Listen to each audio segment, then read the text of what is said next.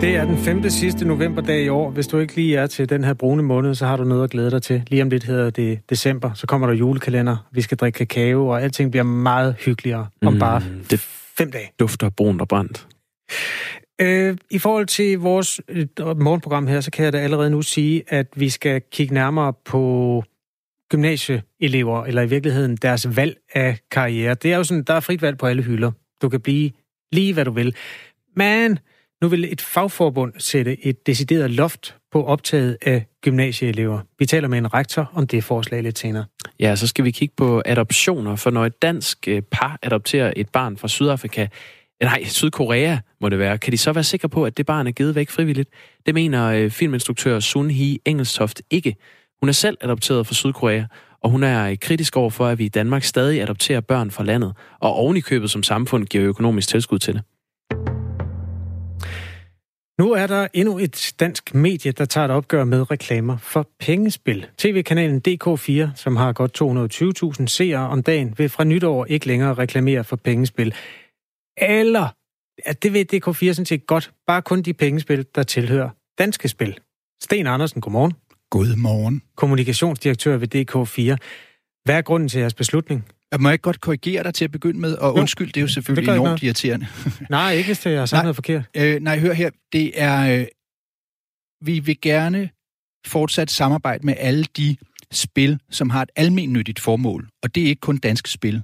Der er også øh, varelotteriet og klasselotteriet og landbrugslotteriet og ah. øh, nogle idrætsforeninger, som, øh, som, som hvert år eller på jeg kender ikke rutinerne, men altså søger om at få en tilladelse og få en tilladelse fra, fra de danske myndigheder. Og som nogle af dem, altså klasselotteriet, varelotteriet, de har jo været her i over 100 år. Mm. Også fra før, at, at øh, reklamereglerne blev liberaliseret. Naturligvis. Så dem holder vi fast i.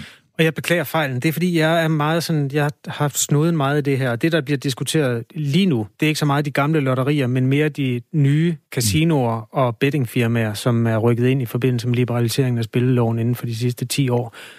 Øhm, og grunden til, at der kan man vel godt sige, at de er ikke almindeligt nyttige i den optik, du lige har beskrevet. Hvad er det, grunden? det er sådan, vi også opfatter det i hvert fald. De er ikke almindeligt nyttige, og de betaler måske ikke engang skat i Danmark, og øh, altså, de er meget langt fra det, vi kender sådan som den danske ordning. Ikke? Hvad er grunden til, altså hvilken rolle spiller ludomani og faren for samme i jeres beslutning om, at de her de ryger ud? Jamen, det, det er den tunge overvejelse i det her. Altså, øh, der er nogen, der er bekymret for det. Der er nogle folk, som har forstand på det, øhm, i, i, som, som arbejder med ludomani, og som siger, at det her kunne være et problem. Det er et problem, at der bliver reklameret rigtig hæftigt for det. Ikke så meget hos os, men, men øhm, altså, vi, vi, kan, vi kan godt ønske os en bedre verden, og så kan vi jo tage fat i vores egen lille univers, og, og så prøve at gøre det til, til den perfekte verden. Det er, vi, det er det, vi prøver her. Men altså, når eksperterne mener, at ludomani bliver gødet af, at man bliver eksponeret for reklamer for spil, betting, casino, online, alt muligt andet, og når det så ovenikøbet sker lige ved siden af, af reklamer for hurtige lån, så, så, så, så er det jo at lokke svage sjæl på glat i. så det har vi ikke nogen intention om. Altså, Danske Spil for eksempel, som mm. så øh, kommer gennem filteret hos jer, øh, vandt sidste år 5,6 milliarder fra os danskere. Mm. Det er 1000 kroner per dansker i overskud. Har du en konto hos Danske Spil? Nej, det har jeg ikke. Har du Grosen? Det, det har jeg, men jeg har ikke spillet hos dem øh, sidste år, så jeg er heller ikke med i den statistik. Producer Sara, øh, vis lige med fingrene, hvor mange penge du tabte på Danske Spil sidste år. Sebo. Ikke nogen. Jeg tager heller ikke 1000 kroner. Det vil sige, at der er en eller anden, der har tabt 5000. Eller lad os bare sige 8, fordi mine tre døtre har heller ikke konto i danske spil. Der er også ludomaner, der holder til der. Ja. Sten Andersen. Ja. Hvorfor er statsfinansieret eller statslig ludomani bedre end privat ejet? Jamen, der er ikke noget ludomani, der er, der er godt den statslige spillevirksomhed, den har vi sådan som samfund accepteret er her, og vi accepterer, at den giver et stort, en stor del af sit overskud tilbage til samfundet, til den idrætsforening, som du eller dine nærmeste dyrker, som min familie øh, opsøger en gang imellem. Og, øh, og det er en politisk beslutning, som, øh, som vi som samfund har accepteret. Så det accepterer vi også. Men danske spil har en omsætning, der stiger med 7-8 procent om året, og det kan simpelthen ikke rigtig bortforklares, at reklamerne spiller en rolle i det. Den del vil I gerne være en del af fremover. Er det rigtigt forstået? Ja, det er rigtigt forstået. Den, de spil, som var med før liberaliseringen, de spil, som har et almindeligt formål, de må godt være med hos os. Men Danske Spil har jo også et casino med store præmier. Øh, er, er den del skåret fra, når I snakker med Danske Spil, eller er det bare alt, hvad der har Danske Spils stempel? Alle de virksomheder, som øh, har et almindeligt formål, øh, de er velkomne i vores reklameflade. Hvis vi skal bringe nogle fakta ind, så var det Danske Spil havde et overskud på cirka 2,8 milliarder øh, sidste år, og knap halvdelen af dem røg i det, der hed udlodningsmidlerne. Mm. Og så er der nogle af de andre underselskaber, datterselskaber hedder det, af en eller anden grund, øh, som ryger direkte ned i... Det, pengene de bliver simpelthen sendt til finansministeren og ryger ned i, i statskassen. Mm. Hvor meget, altså jeg har læst et eller andet sted, det koster jer 5%, hvis I vælger Pilu Asbæk og Brian Laudrup og Uffe Holm og alle de der fra. Øhm, hvor mange, 5% er hvad? Hvor mange penge er det, I står ja, med mindre? Det, det, det er sådan noget, man sjældent oplyser, og det gør vi heller ikke i den her sammenhæng. Vi, vi har jo ikke store sportsbegivenheder, hvor, øh, hvor bettingbyråerne står i kø for at få lov til at reklamere. Så, så for os er det, det ikke... Altså, det koster noget, men, men øh, vi synes, at det er nødvendigt at, øh, at tage vores egen medicin. Altså, vi, vi, vi synes, at, at der, hvor vi har mulighed for at gøre verden til et bedre sted, der, der bidrager vi. om det så skal koste os 4 eller 5 eller 6 procent, så, så tager vi det med. Sten Andersen, øh, kommunikationsdirektør ved DK4. Vi har fået en sms fra øh, Lasse. Mm. Han skriver, øh, på en eller anden måde er det mere moralsk forkasteligt at tjene penge til fællesskabet baseret på andres lidelser. Almen nyttigt eller ej, danske spil skaber også ludomaner. Hvad siger du til det? Det har han utvivlsomt ret i. Det koster jer 5% af jeres indtægter at fravælge Brian Laudrup og de andre der. Øhm, altså bare lige for at tjekke jeres projekt, lidt i kanten, kan du garantere, at øh, det her ikke betyder, at danske spil så bare reklamerer dobbelt så meget hos jer næste år, fordi så har de fået en form for monopol der, ligesom i de gode gamle dage, det hed Dansk Tiptjeneste? Mm. Nej, det, det, jeg kan ikke udstede nogen garantier. Jeg, det, på en eller anden måde er det jo markedet, der, der også spiller ind her, men vi, vi gør det her for at prøve at... Øh, det, jeg kan bedst beskrive det som at gøre, gøre verden til et bedre sted at være, og, og det er jo, vi kan jo ikke blande os i, hvordan TV3 eller TV2, som jo også er statsejet, hvordan de agerer. Øh, vi kan tage fat i vores eget lille univers, og, og derfor så fastholder vi, at øh, de selskaber, som betaler skat i Danmark, og som har et almindeligt formål, som kommer danskerne til gode, de øh, kan fortsat reklamere hos os på DK4. Lige nu sender DK4 i øvrigt et program, der hedder Kniv og Gaffel, mm. som følger programmet, eller følger arbejdet i en lille pizza-restaurant, der hedder Piccolina mm. i Aarhus, og der er ikke nogen betting-reklamer lige der. Nej, det er der nemlig ikke. Men der står, at man kan komme med i køkkenet og se, hvordan de sprødeste pizzaer bliver lavet. Ja, er det ikke lækkert? Jo, det lyder dejligt. Det er mm. toplækkert. En skam, man er på arbejde. Sten Andersen, tusind tak, fordi du var med i Radio 4 morgen. En fornøjelse. Og have en god dag. Tak lige måde. Ja, nu har vi faktisk øh, før omtalt øh, sms-Lasse med på en telefon. Hvis du lige åbner for ham, øh, Kasper. En fornøjelse. Godmorgen, Lasse. Godmorgen. Hvad, hvad, nu har vi sagt farvel til Sten Andersen fra DK4, men hvad, hvad er din pointe?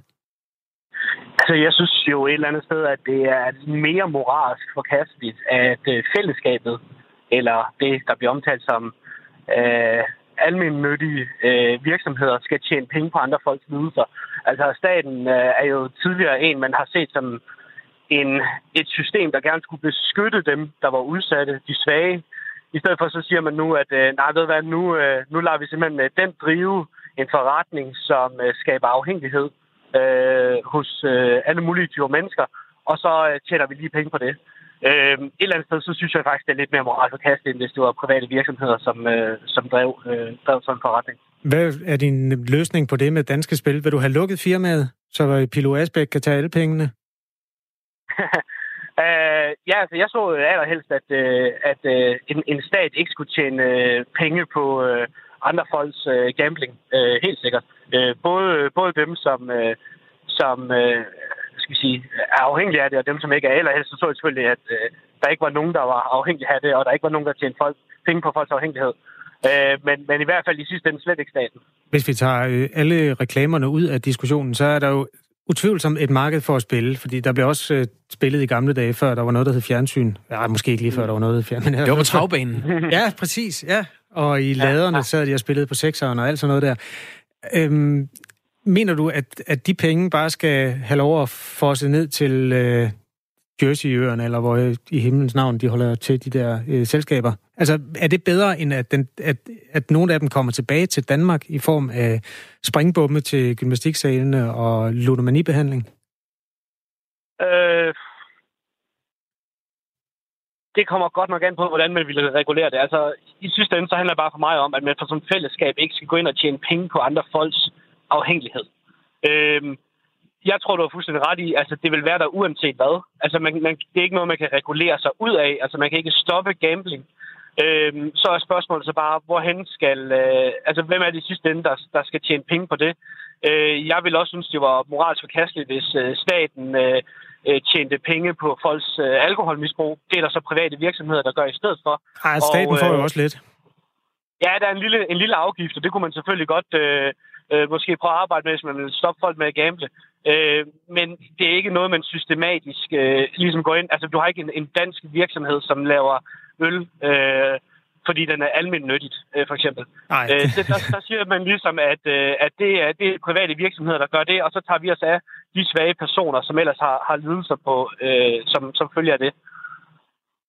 Lasse, han har gjort alt, alt det her, det begyndte med, at Lasse skrev en sms, det vil vi simpelthen så gerne have, at folk gør. Man skriver R4 først, og så et mellemrum, og så sin besked, og så sender man den til 1424. Tak fordi du gav lyd, Lasse. Ha' en god dag. I lige måde. Er danske adoptioner med til at fastholde et socialt pres på de unge sydkoreanske kvinder? Ja, det mener filminstruktør Sun Hee Engelstoft, som selv er adopteret fra Sydkorea, og for nylig har lavet dokumentarfilmen Forglem mig ej, om øh, bortadopteringer i landet.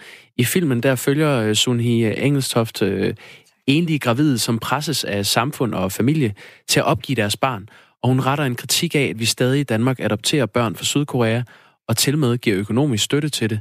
Vi har nu uh, Sun Hee Engelstoft med fra vores studie i København. Godmorgen. Ja, godmorgen. Hva, hvad er det, du fandt ud af, da du lavede den her dokumentar? Jamen, altså, jeg tog jo afsted for at finde min mor. Og øh, da jeg ikke kunne finde hende, så begyndte jeg at opsøge andre kvinder, som øh, stod i samme situation som min mor. Øh, og det er jo den beslutning, om en kvinde skal beholde sit barn eller give sit barn væk til adoption. Og, øh, og det er jo det, jeg har undersøgt med den her film. Øh, og det, jeg har måttet konstatere, er jo, at de her kvinder, de har ikke det frie valg, som jeg gik rundt og troede, og som alle andre gik rundt og troede. Og hvor, hvor langt ligger det tilbage, at du blev øh, bortadopteret?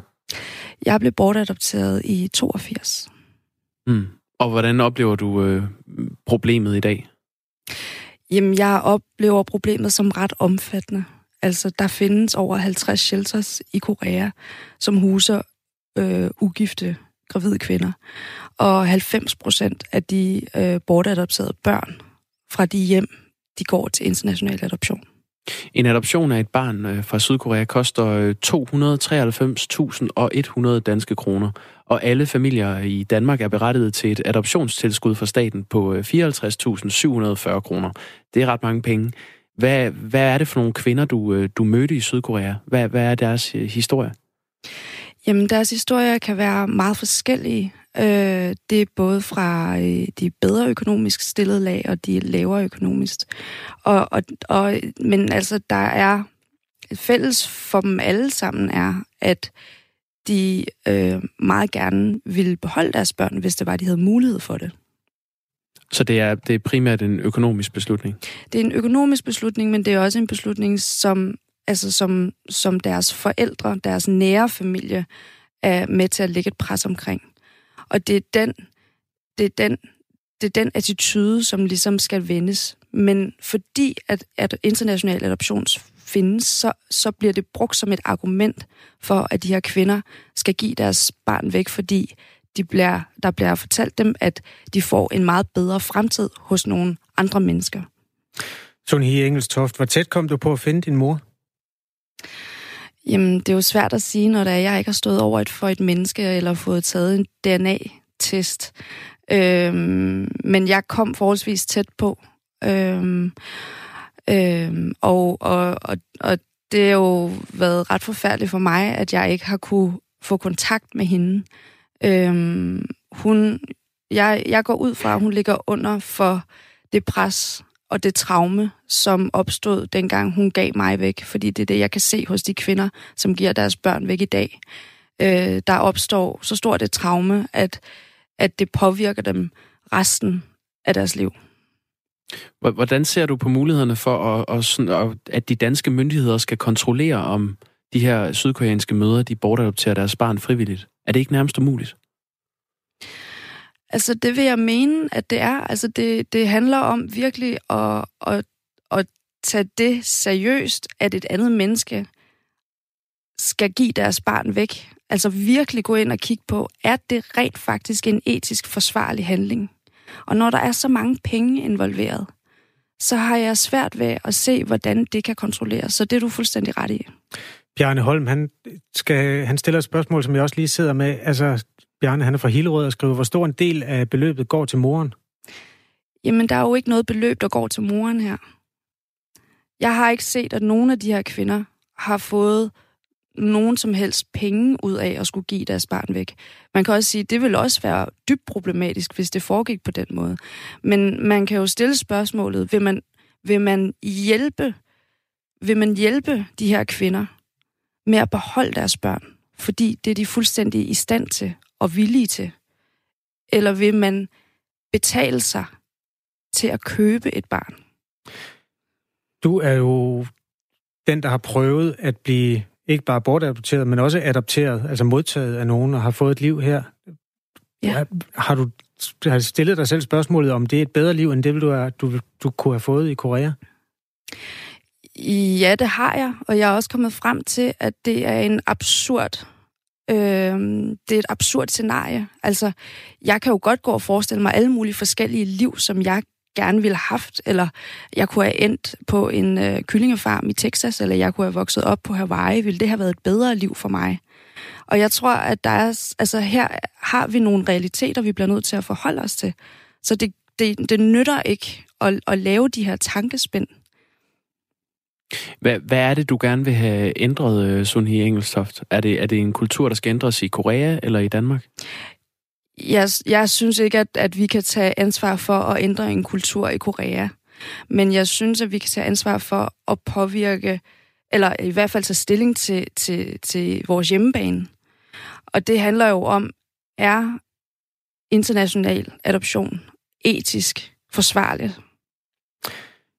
Altså, jeg har jo en lille søster, der har været min søster hele mit liv. Øh, men hun startede sit liv med at bo ni måneder i Bombay på et øh, børnehjem der. Og jeg tror, ved, altså, jeg ved ikke, om hun går med de samme spørgsmål som dig, men altså, vi andre rundt omkring, som er familien omkring hende, er jo enormt øh, lykkelige for, at hun, hun er der. Øh, hvor meget altså, tænker du, at man skal ændre indstilling, når man går rundt og bare ønsker sig at få et barn her i Danmark? At man så, altså, hvad er der galt med konceptet at få et, et barn fra en, en anden del af verden? Jamen, jamen, der er flere problematikker i det. Altså, for det første, så har det barn nogle rettigheder. Og det handler ikke om, hvorvidt de ønskede her, eller hvorvidt de bliver elsket her, eller hvor fantastisk et liv de kunne få her. Det handler om, at et barn og et menneske har ret til at kende sit ophav. Det har ret til at kende sin kultur. Det har ret til at kende sit sprog. Og det har ret til at være sammen med de mennesker, som det kommer fra, så vidt muligt. Kan det, nu, og, det, nu... og det ved jeg godt, det, det, det, det, er en, det er en svær øvelse at lave i hovedet. Jeg tror, der hvor der er to niveauer af den her samtale. Og en ting er, hvad det er, de nære private forhold er. Mm. Altså når det er, du siger, du har en søster, fra, som også er adopteret. Mm. Og, og så er der de mere strukturelle linjer. Og de to ting, de skal skilles lidt ad. Men det er fordi, jeg kan jo mærke, at det er noget personligt, der driver dig når vi sidder og diskuterer politik her. Hvad, hvad, altså, bare, og vi, skal nok snakke om det politiske også, men jeg er bare nysgerrig på, hvad er det, du har savnet? Hvad er det, der er dit, dit store brændende ønske? Sådan øh, helt menneskeligt. Jamen, jeg har jo sagt det, som, som man på en eller anden måde ikke må sige højt. Altså, jeg har savnet min familie. Det er ekstremt svært at få lov til at savne sit eget ophav, hvis det er, man er blevet, hvis det er, man har fået fortalt hele sit liv, at det ikke findes, at man ikke kan få kontakt til det. Øh, og, og det er der egentlig ikke nogen ond mening i. Men det er sådan, det har været. Øh, så bare det at erkende, at jeg kommer et sted fra, Mm. Jeg kommer fra en mor, jeg kommer fra en far, jeg kommer faktisk fra en hel familie, jeg kommer fra et meget rigt land, jeg kommer fra en rig kultur og et sprog. Det, det, det er noget, som er med til at fortælle mig, at jeg er et helt menneske. Fordi jeg er anderledes i Danmark. Er din pointe her, at, at vi i Danmark skal stoppe med at øh, adoptere børn fra Sydkorea, eller er det mere øh, øh, generelt? Altså, du vil gerne have stoppet, at vi adopterer børn fra andre lande end Danmark? Altså, en ting er Sydkorea, og der øh, er der en økonomisk situation i Sydkorea, fordi det er det 13. rigeste land i forhold til deres BNP. Øh, og derfor så er det økonomiske grundlag for ligesom at redde et andet barn fra en fattigdom. Øh, det, det findes egentlig ikke rigtigt. Øh, og, og jeg, og, men, men ja, altså min kritik, fordi in, altså international adoption fra Korea, det ligesom er limousinemodellen. Der er foregået adoptioner fra Korea i mange år tilbage. Og, og det er derfor, at hvis der er, der er galt, er noget galt med den her model, så tror jeg også, at der må der er nogle andre øh, adoptionsaftaler, øh, der, skal, der skal tjekkes i sømne i alle mulige andre lande. Men, men helt basically, så vil jeg jo godt stille spørgsmålstegn ved, om, om det er i orden at købe andre menneskers børn. Tak skal du have, Sunhi Engelstoft, øh, som har instrueret dokumentarfilmen Forglem mig ej. Lidt over 8, der har vi øh, Socialdemokraternes socialordfører Camilla Fabricius med i radioen, hvor vi spørger, hvordan Danmark kan vide sig sikre på, at sydkoreanske adoptivbørn er bortadopteret helt frivilligt. Klokken den er 7.27, og nu skal vi mildest tale til noget andet. Jakob, tag din computer. Ja. Du sidder med din øh, bærbare. Det gør jeg lige om øh, et sekund. Jeg skal lige øh, logge på her. Jeg er inde. Det er Hvad skal vi? Nu skal du høre. Øh, verden bliver et lidt ringere sted fra nytår. Nå. Fordi der forsvinder tast selv koden. Og det har vi jo diskuteret her til morgen. Det er åbenbart en generationsting. Den er fra 1995. Øh, opfindelsen i hvert fald. Og hvornår er du fra? 88, så jeg var alligevel syv år, men jeg tror simpelthen, du er nødt til at forklare tast selv koden. Altså, det er ikke alle, der kender den. Ja, det, er det skal siges idé, men... lidt, lidt grundigt. Ja. Tast selv, ikke tast selv. Nej, nej, tast selv koden.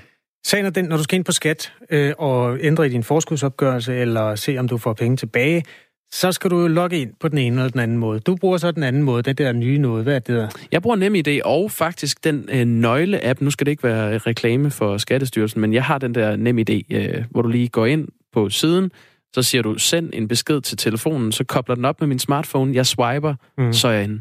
Ja, den frække fyr. Den har jeg også. Men prøv at høre her. Nu gør vi det, at vi fra hver vores computer, så går vi ind på skat.dk. Du må selv vælge, om du gør det i Chrome, eller du gør det i uh, Explorer, eller en anden Tor-browser, eller ja. hvad du bruger. Ja, jeg er i Chrome. Ja, jeg er derinde. Jeg er også på skat. Godt.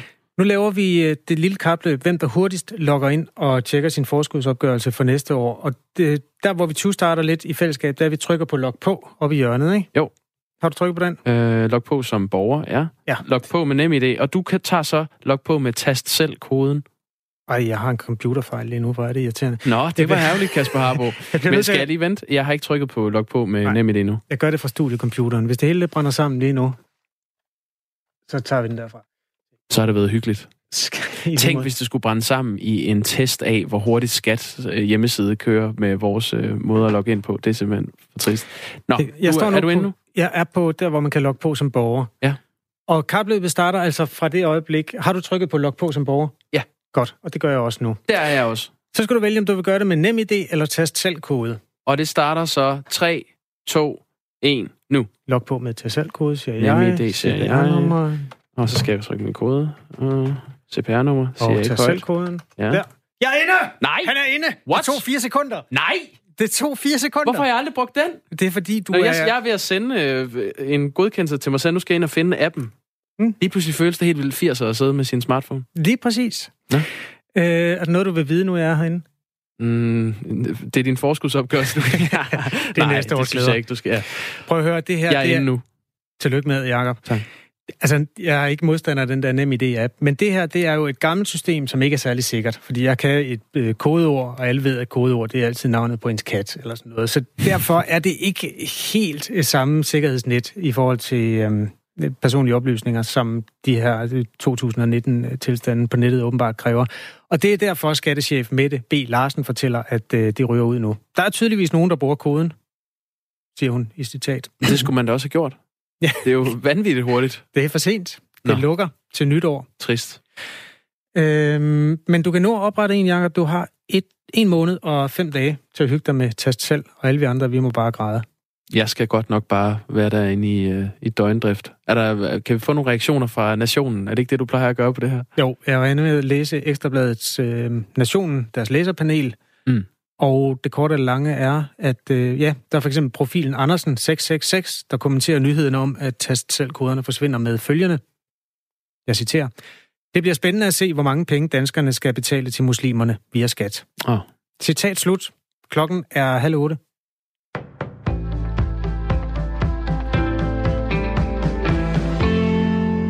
Og det er tid til et nyhedsoverblik. Det er gået ned ad bakke for eleverne i folkeskolen, når det kommer til at læse og regne. Det viser resultaterne i de nyeste nationale tests for skoleåret 2018-2019, det skriver Jyllandsposten. Resultaterne viser, at 70 procent af eleverne er det, der hedder gode til at læse. Sidste år, der var det tal 72 procent, og i 14 og 15, der var det endnu højere, der lå det på 74 procent. Andelen af gode elever i matematik er også faldet en smule efter, at det har været gået frem i flere år. Og det kommer ikke bag på Andreas Rask Christensen, der er forskningschef ved VIA University College der er sket rigtig meget med skolen. Man har villet meget med skolen på én gang, og man har måske presset den for meget i forhold til at støtte op omkring det, der i virkeligheden understøtter elevernes faglige udvikling. Og det er jo den gode undervisning og, og rammerne omkring lærernes arbejde. Tallene bekymrer børne- og undervisningsminister Pernille rosenkrantz Tejl, men hun synes, det er for tidligt at konkludere, hvad der skal til for at hæve elevernes faglige niveau. Derfor så vil hun lytte til de relevante parter nu for at undersøge, hvad der har virket og hvad der ikke har virket på området, siger hun. Jeg tror ikke, der findes så mange lette løsninger, heller ikke så mange lette svar på det her med, hvor hurtigt vi kan få tingene til at gå i den rigtige retning. Men jeg tror sådan set, at vi skal blive ved med at insistere på, at det skal være det, der er retning, og vi skal blive ved med som samfund at have en ambition om, at alle børn og unge øh, skal med. Altså, fordi det at kunne læse og regne er jo fuldstændig fundamentalt for, at man også får den frihed i tilværelsen, som de fleste af os både ønsker for os selv, men også ønsker for øh, vores børn. Militæret i Kanada skal betale næsten 1 milliard kanadiske dollar til hundredvis af personer, som har været udsat for sexchikane, overgreb eller diskrimination som følge af deres køn. Det har en federal domstol afsagt en kendelse om nu. Omkring 700 ofre for overgreb i militæret gik sammen om et gruppesøgsmål mod den kanadiske stat for et par år siden, oven på en uafhængig undersøgelse, som konkluderede, at der var en underliggende kultur i Kanadas militære værn, som er fjendtlig over for kvinder og LGBT-personer, og som bidrager til mere alvorlige hændelser som sexchikane og overgreb lød det. I juli der indgik den kanadiske regering og offrene så et forlig. Ifølge forliget der får hvert offer, hvad der svarer til mellem 25.000 og 255.000 kroner. En ekstern instans vil de næste fem år holde øje med, om Kanadas militær gør frem fremskridt med hensyn til at få bugt med overgreb og diskrimination. I 2016 afslørede en officiel undersøgelse, at hver eneste dag året rundt er der mindst tre tilfælde af seksuel aggression i Kanadas militær.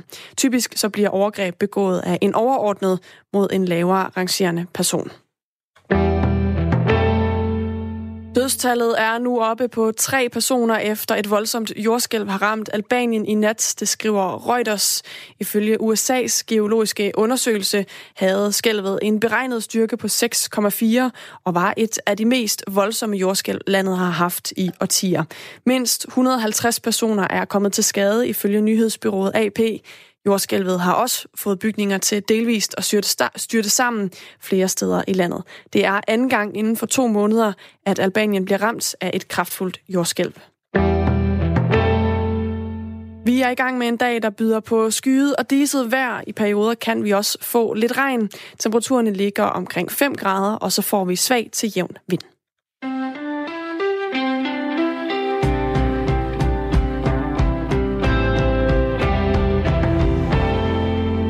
Anne Philipsen, der er nyhedsvært på Radio 4 den her tirsdag morgen. De grønne pigespejder har netop besluttet at fjerne dulighedsmærkerne fra deres uniform, fordi de mener, at det kan fremme en, som det hedder, usund præstationskultur. Det er de der dulighedsmærker, der fortæller, at man kan snit med en dolk, eller man kan karate, eller jeg er ikke så meget hjemme i det der Katrine Støvring Prøsler. Godmorgen. Godmorgen. Øh, hvilke mærker findes der? Og altså, vi har faktisk noget, der hedder udfordrings- og engagementsmærker. Øh... Kan du beskrive nogle enkelte? Så nu nævnte jeg dolken der, fordi det er det eneste, jeg kender. ja. Øh, jamen, vi har for eksempel et mærke, der hedder øh, fartpiloter, hvor man øh, skal udfordre sig selv, både øh, til vands, til lands og i luften. Øh, så øh, der skal man ud over, over øh, stepperne øh, mm. på forskellige måder. Ja. Det er også bare et forsøg på at illustrere, hvad det er, de gør godt for de her. Altså, I har grønne uniformer, hvor man kan sy noget på, hvis man kan noget bestemt. Men ja. det vil I væk fra. Hvorfor er det, I mener, at der er noget usundt i, at man går med et mærke, der viser, hvad man kan? Jamen, det er, fordi vi gerne vil være inkluderende, når man træder ind i vores fællesskab. Det er alt det, vi gør, er inkluderende, så det vil vi også gerne have, at vores beklædning viser, vi er. Øhm, og når man kommer ind som ny i en, øh, i en spejdergruppe og, øh, og møder en masse, med en masse piger, der øh, har uniform på med en masse mærker, øh, så kan man godt blive lidt afskrækket af, at man ikke helt kan følge med. For lige meget hvor mange mærker man selv tager, så tager de andre jo også mærker stadig, så, så man kommer aldrig helt op på samme, øh, på samme mængde mærker på uniformen. Altså, øh. min kærestes datter går til karate, og ja. hun har et eller andet øh, sådan lidt begynderagtigt farve, og hun kan kigge på dem med de sorte bælter og tænke, gid, jeg bliver så god en dag. Ja. Er du sikker på, at det er usundt, at hun øh, er klar over, hvem der er gode, og hvem der er dårlige, sådan, eller hvad skal man sige, nybegyndere i, i, på feltet? Ja, men hos spejder er det jo ikke noget med, om man er god eller dårlig til noget. Øhm, det handler om de kompetencer, man har, øh, har fået med sig. Øhm, så, så på den måde er det jo ikke sådan en... Øh, en, et, en hierarki, vi skal bygge op med, med mærker på uniformen. Øhm, og det, der er også vigtigt, er, at, at vi vil jo stadig gerne have mærkerne. Vi kommer stadig til at tage mærker. Øh, vi kommer bare ikke til at sy dem på tøjet.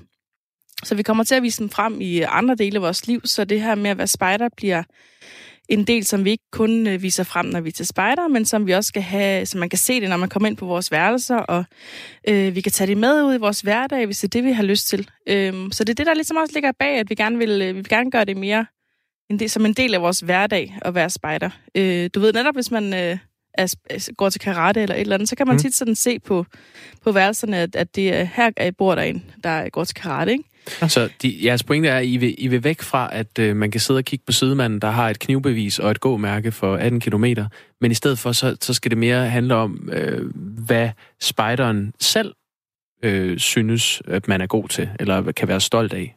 Ja, jamen det er faktisk egentlig meget godt øh, sagt, ja. Altså, så man selv ligesom kan vise det frem, øh, der hvor man, er, man synes, man har lyst til det. Øh, mm. Ja. Katrine Støvring Prøsler er formand for De Grønne Pigespejdere, og nu kommer der et citat fra Svend Brinkmann, den ting som herre, som er psykologiprofessor ved Aalborg Universitet og debattør. Det er lidt langt, så øh, nu, øh, citationstegnet begynder her. Den gode kamp mod præstationssamfundet bliver vanskeliggjort af, at man retter skytset mod spejderbørnene. Man tager en alt for lille sag og et alt for lille symbol, og gør det til omdrejningspunkt for en kritik af en meget stor samfundsmæssig tendens. Det er ærgerligt over, selvom jeg er helt med på, hvad intentionen er. Vi skal kritisere præstationssamfundet, men lad det ikke blive til en kritik af alle slags præstationer, siger Svend Brinkmann blandt andet. Hvad siger du til den kritik? Øh, jamen nu er det jo ikke, øh, altså vi, vi kommer ikke til at løse alle problemer med præstationssamfundet ved at, at fjerne mærkerne fra uniformen. Men det er et skridt, vi kan tage. Vi er i forvejen meget optaget af, at, at man trives, øh, og pigerne trives, når de er til spejder. Øh, og, øh, og netop at gøre op med det her præcisionssamfund, for hos os har de et frirum, hvor de kan få lov til at bare være sig selv, hvor det ikke handler om at være den bedste, men hvor man kan være med, og, øh, og vi gør noget sammen øh, i fællesskab. I mener, at mærkerne kan virke ekskluderende for nye medlemmer. Hvor ofte er det sket, at der er kommet en pige ind i flokken og har kigget på de andre og tænkt, nej, de er meget bedre end mig. Den her flok kommer jeg aldrig til at høre ordentligt til. Altså, det er svært at sige præcis, hvor meget der er sket. Jeg tror, mm. det er sket rigtig meget. Øh, og vi har faktisk fået flere sådan henvendelser, siden, øh, siden vi offentliggjorde det her i lørdags, fra, øh, fra mennesker, der, der fortæller os, at de netop stoppede til spejder, fordi øh, at de ikke kunne, øh, ikke, kunne, ikke rigtig kunne blive en del af det, fordi de andre havde så mange mærker, og de kunne ikke rigtig være med. Øh, så, så det er helt sikkert sket, øh, og hvor ofte det er jo det kan vi jo kun øh, gætte på, men, men vi stiger har hørt det, rigtig mange stiger, historier stiger det det. børnene til hovedet, at de har de der mærker, så de går rundt og føler sig, føler sig vigtige, hvis de har flere mærker end, end ham, eller hende, nej, hende er det jo så, når det er pigespejder, ved siden af. Ja, nej, jeg tror, at de er jo stolte af dem. Øh, og det kan man jo godt forstå. Øh, det skal man jo også være, når man har opnået nogle kompetencer og har fået et mærke til at bevise det. Det skal man også være stolt af det. Det er også derfor, vi gerne vil have, at de skal leve endnu mere i, øh, i vores hverdag. Altså, øh, nu har jeg en lille datter, og hun er øh, 17 måneder nu, og er ikke gammel nok til at gå til spejder, eller fodbold, eller håndbold, eller øh, Mm. whatever. Hvis hun nu vælger at gå til fodbold, så kan hun også risikere at komme på andet holdet. Og så kan hun kigge over på den anden bane, hvor første holdet spiller. Mm. Og hun skal også have et træningssæt. Det koster også penge. Ja. Så skal hun, man skal betale kontingent. Der er nogle forskellige ting, man, man skal købe. Og det, det er jo vel bare forbundet med det, at man har en, en fritidsaktivitet, en hobby, noget at gå op i. Er det så galt? Ja, ja, og det, det skal man jo stadig. Altså, vi skal stadig øh, have en, skal have en øh, ny øh, spejdertrøje, der kommer til foråret, ikke, som man jo også skal købe.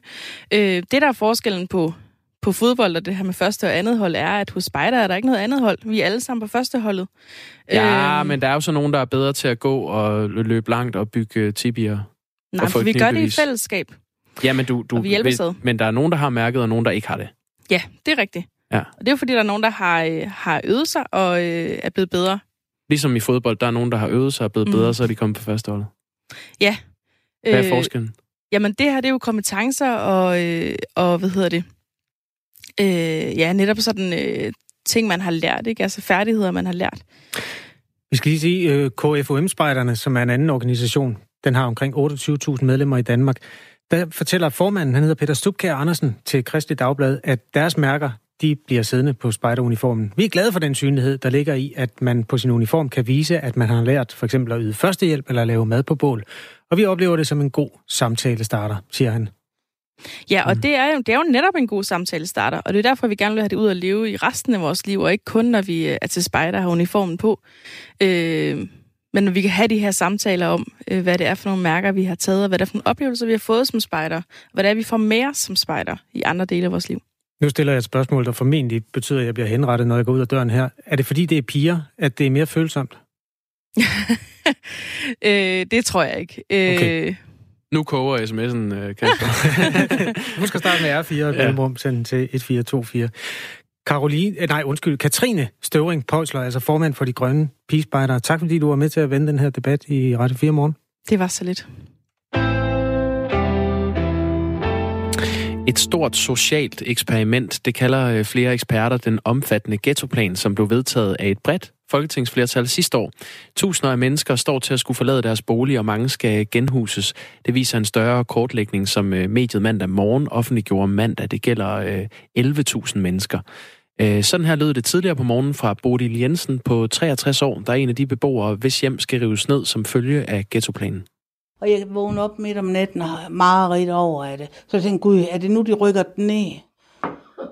Øh, Det er vemmeligt. Simpelthen er jeg fuha helt koldt sved over, at de vil rykke min blok ned. Henrik Møller, er boligordfører for Socialdemokratiet. Godmorgen. Godmorgen. Hvorfor skal man gennemføre det her og blandt andet smide Bodil Jensen på 63 år ud af sin lejlighed, når nu flere eksperter så tvivl om, hvorvidt det rent faktisk har en effekt? Ja, altså nu, nu, nu vil jeg sige, jeg synes, man skal huske på, at vi har en stor øh, almen sektor, hvor at... Øh, hvor den sociale balance sådan set er god nok. Altså det her, det er jo med udgangspunkt i en lille del af vores samlede almen sektor, hvor der er, kan man sige, ophobet sig en social ubalance, og det er derfor, man har fået de her ghettoer. Og der har man sagt øh, og haft nogle mål om, at de her de skal være afviklet senest 2030. Øh, og der kan man sige, jamen der er så nogle forskellige greb for at, at nå derhen. Og nogle af stederne, det er at rive nogle boliger ned. Og det er selvfølgelig, altså sådan lige umiddelbart set, er det svært at forstå, hvorfor skal man rive nogle velfungerende boliger ned.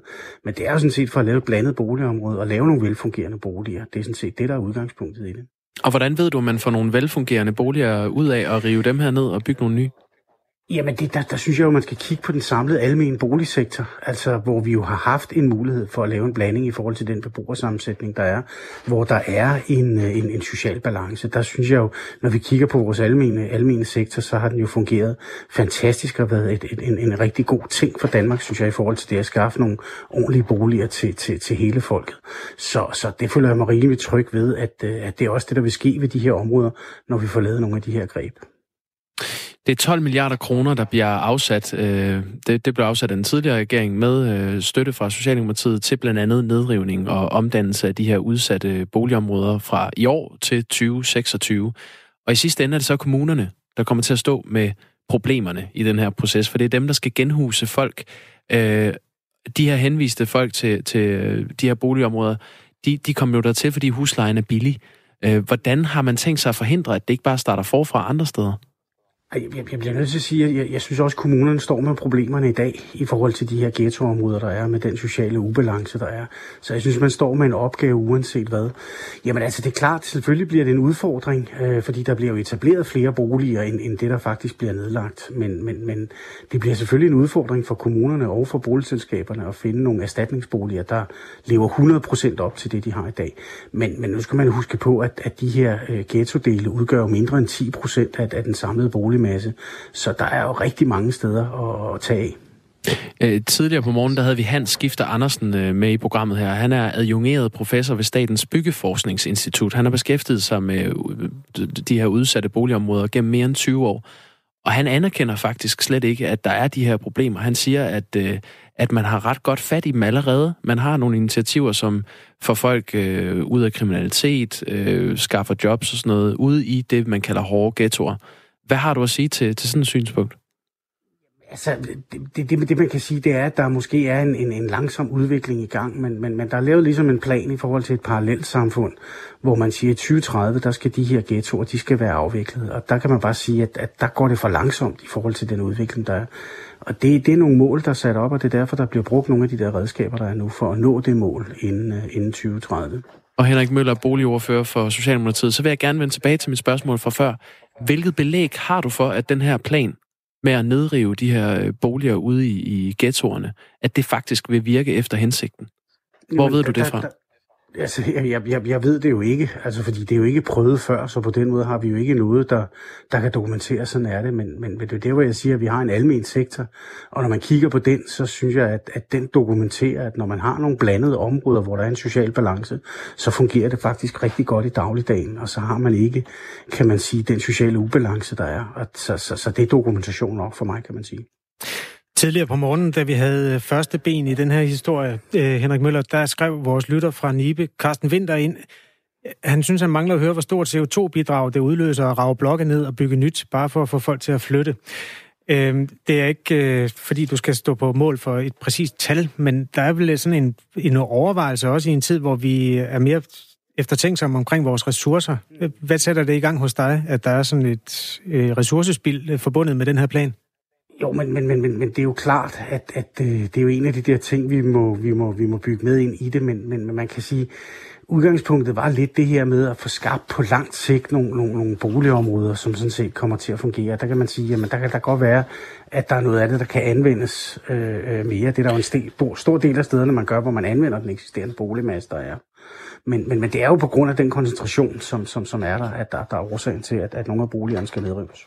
Og nu siger du, at øh, du ved faktisk ikke, om den her plan den vil virke, men, men ambitionen er at få nogle flere ressourcestærke øh, beboere ind i de her områder.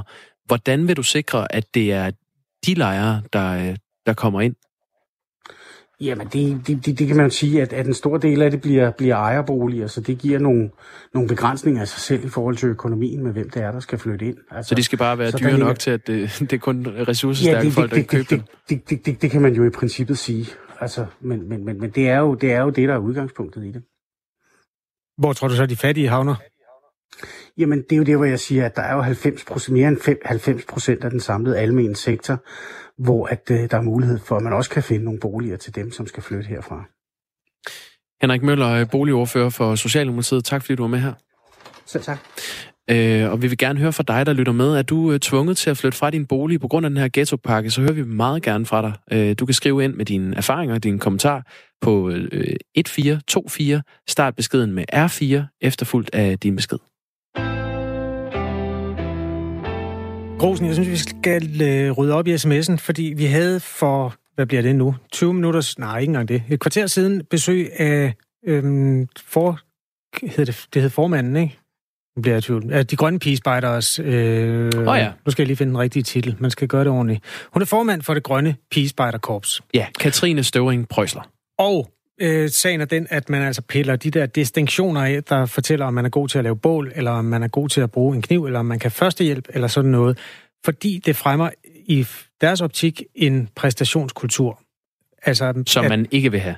Som man ikke ønsker. I hvert fald i det spejderkorps. Og der er kommet så mange sms'er på den, så jeg synes, vi skal tage nogle af dem. Der er for eksempel Bjarne fra Bjarne Holm, han skriver, så er der jo ingen grund til at gå til spejder. Vi er jo alle lige. Ja. Dan, han skriver, hvor er det dog skræmmende, at vi har opnået en politisk korrekthedskultur, hvor rollemodeller pludselig er en skidt ting. Det er nok for mig øh, til, at jeg ikke gider at sætte min pige til at gå til spejder. Øhm, vi skal måske sige til Dan, at der er jo konkurrerende selskaber inden for det der også. Der er noget FDF, og der er de her grønne... Vi hvor, har, hvor de kan få alle de mærker, de vil have. det, det tror jeg nok. Der var i hvert fald KFM, hvor der var øhm, fuld blus på, på liggehønnen. Øhm, der er også en her. Godmorgen her. Øhm, du skal stå der, øhm, men vi, vi gemmer lige dig et øjeblik. Øhm, hvorfor skal alt ødelægges her i landet og pustes op? Behold mærkerne og vis, at nogen er bedre end andre, står der her. Ja, og så kan vi nå en sidste fra Silas. Han skriver, hvis man ikke må vise, hvor langt man er kommet, hvordan skal man så skabe forbilleder? Ja. Mm. Du skriver R4 og et mellemrum og din besked, og så sender du den til 1424. Altså nu øh, er der nogle fagforbund, der er ude og sige, at de gerne vil lave sådan et loft for, hvor mange gymnasieelever der er.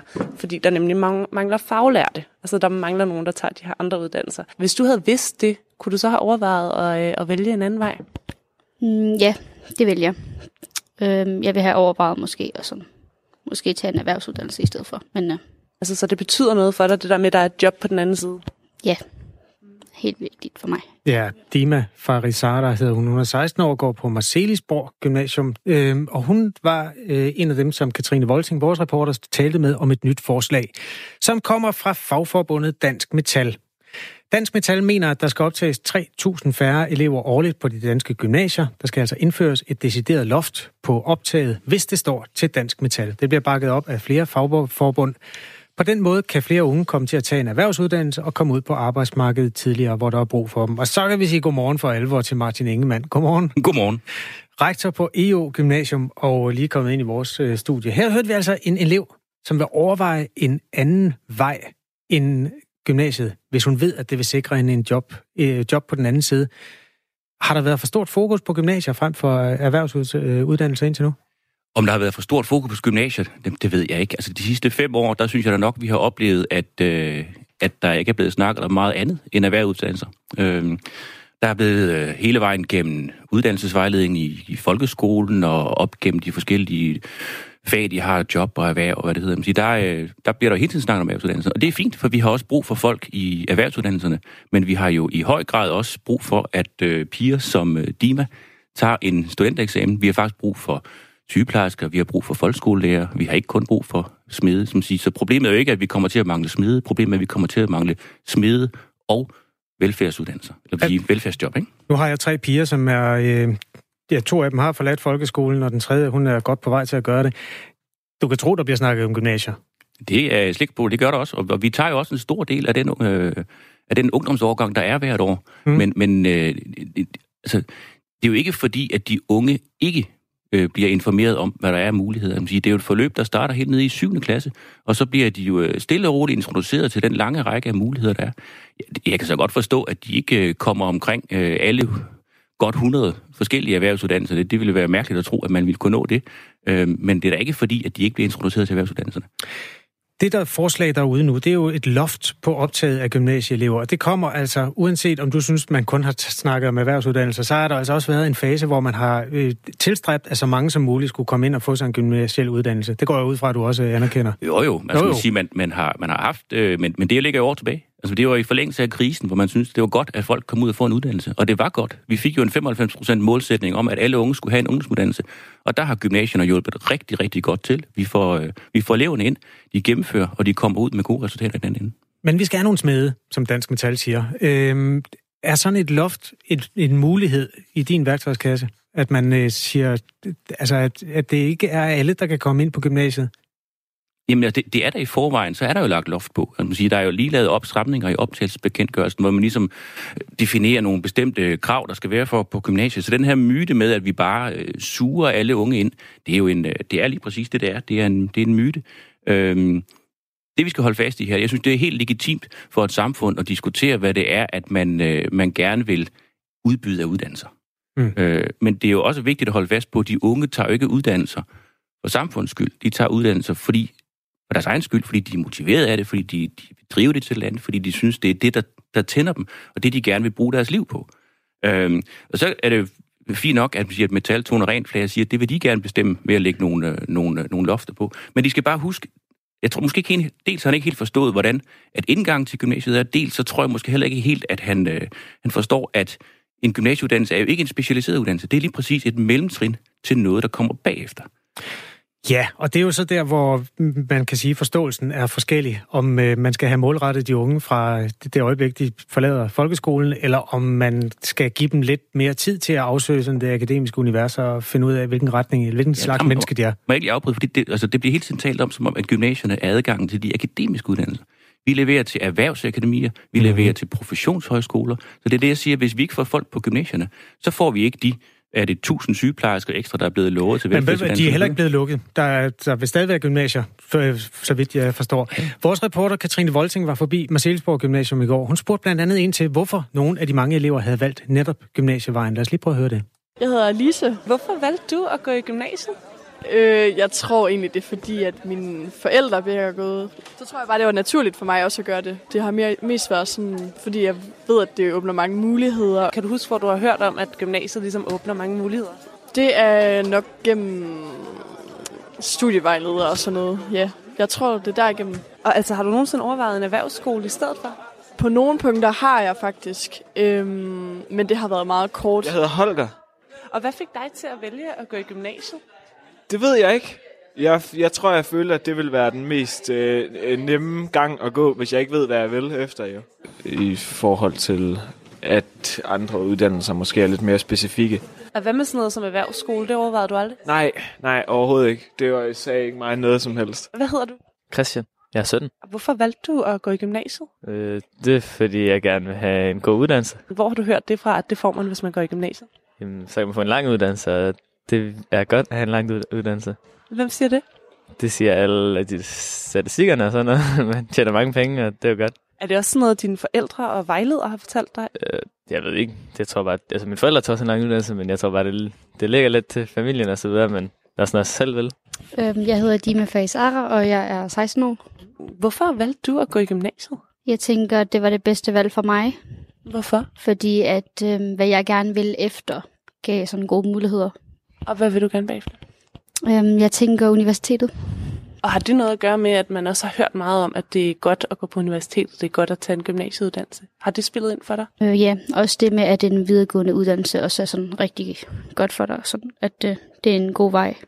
Kan du huske, hvor du har hørt det? Medierne, øh, familie, venner. Ja, Øhm, hvis jeg ikke ved, hvad jeg vil, så kan man jo altid gå på gymnasiet. Og nogen siger, at jeg vil gerne have en lang uddannelse, og så skaber det jo i hvert fald to-tre år i, når man tager sådan en gymnasieuddannelse. Vi har jo stadigvæk besøg af Martin Ingemann, som er rektor på EO Gymnasium, der ligger i den nordlige ende af Aarhus. Hvad tænker du, når du hører de her elever? Jamen, jeg synes, at jeg hører nogle unge, der øh, ligesom rigtig mange andre unge øh, er spændt på, hvad fremtiden kommer til at bringe. Og øh, det er da også rigtigt, at man, der, man med en gymnasieuddannelse, så holder man vidderligt øh, mange muligheder åbne. Det er jo fordi, den kan bruges til rigtig, rigtig meget. Øh, og som siger, det er der så nogen, der oversætter til, at den er unødig, fordi den ikke kan bruges til noget rigtigt sådan, med det samme. Ja, eller også så tager det klang, øh, har det en klangbund i, at øh, nogen er meget længere om at komme ud på arbejdsmarkedet, og der er jo mangel på mennesker derude. Jamen, der er jo mangel på mennesker alle steder, det er det, jeg forsøgte at sige. Jamen, det er jo ikke et spørgsmål om, vi ikke skal have smed. Det er et spørgsmål om, vil du have smed, eller ingeniør, eller sygeplejersker. Altså, man siger, så, så den der med, at man ligesom skærer et sted for at løse et problem over på, på smedeområdet eller tømmerområdet, man siger, hvor, hvor de her øh, folk skal gå hen, så skaber man jo nogle problemer nogle andre steder. Fordi det er jo ikke sådan, så der står hårder af arbejdsløse øh, studenter. Det kan godt være, at der er en indfasning, at de, fordi de har et lidt mere specialiseret job, når de kommer ud, at der så lige dimittentledigheden er lidt højere. Men når du måler lidt længere hen, så har de faktisk alle sammen et job. Det er meget få, der står udenfor. Og de har en god, lang livsindkomst. Det er også det, altså, det ved eleverne godt. En kort sms, og du må ikke uh, snakke i tre kvarter, når jeg læser den, fordi uh, der er nyheder om lidt, uh, Martin. Men der står her, smede har også brug for at have en almen uh, dannende gymnasial uddannelse, inden de går i smedelæger. Faglige uddannelser skal være på linje med andre mellemlange uddannelser, står der. Jamen, det er faktisk noget af det, vi har argumenteret rigtig, rigtig længe for inden for, øh, for branchen, at øh, det gør ikke noget, at en smedelæring også får noget almindelig dannelse med ud. Det synes jeg, det er godt for alle. Jamen, alle slags sms'er er jo velkommen. Man skriver R4 og et mellemrum, og så skriver, sender man den til 1424. Martin Ingemann er rektor på EO Gymnasium. Tak fordi du kom. Selv tak. Ja, og så øh, er vi klar til et nyhedsoverblik. Det er Anne Philipsen, der står klar til at levere det. Klokken den er blevet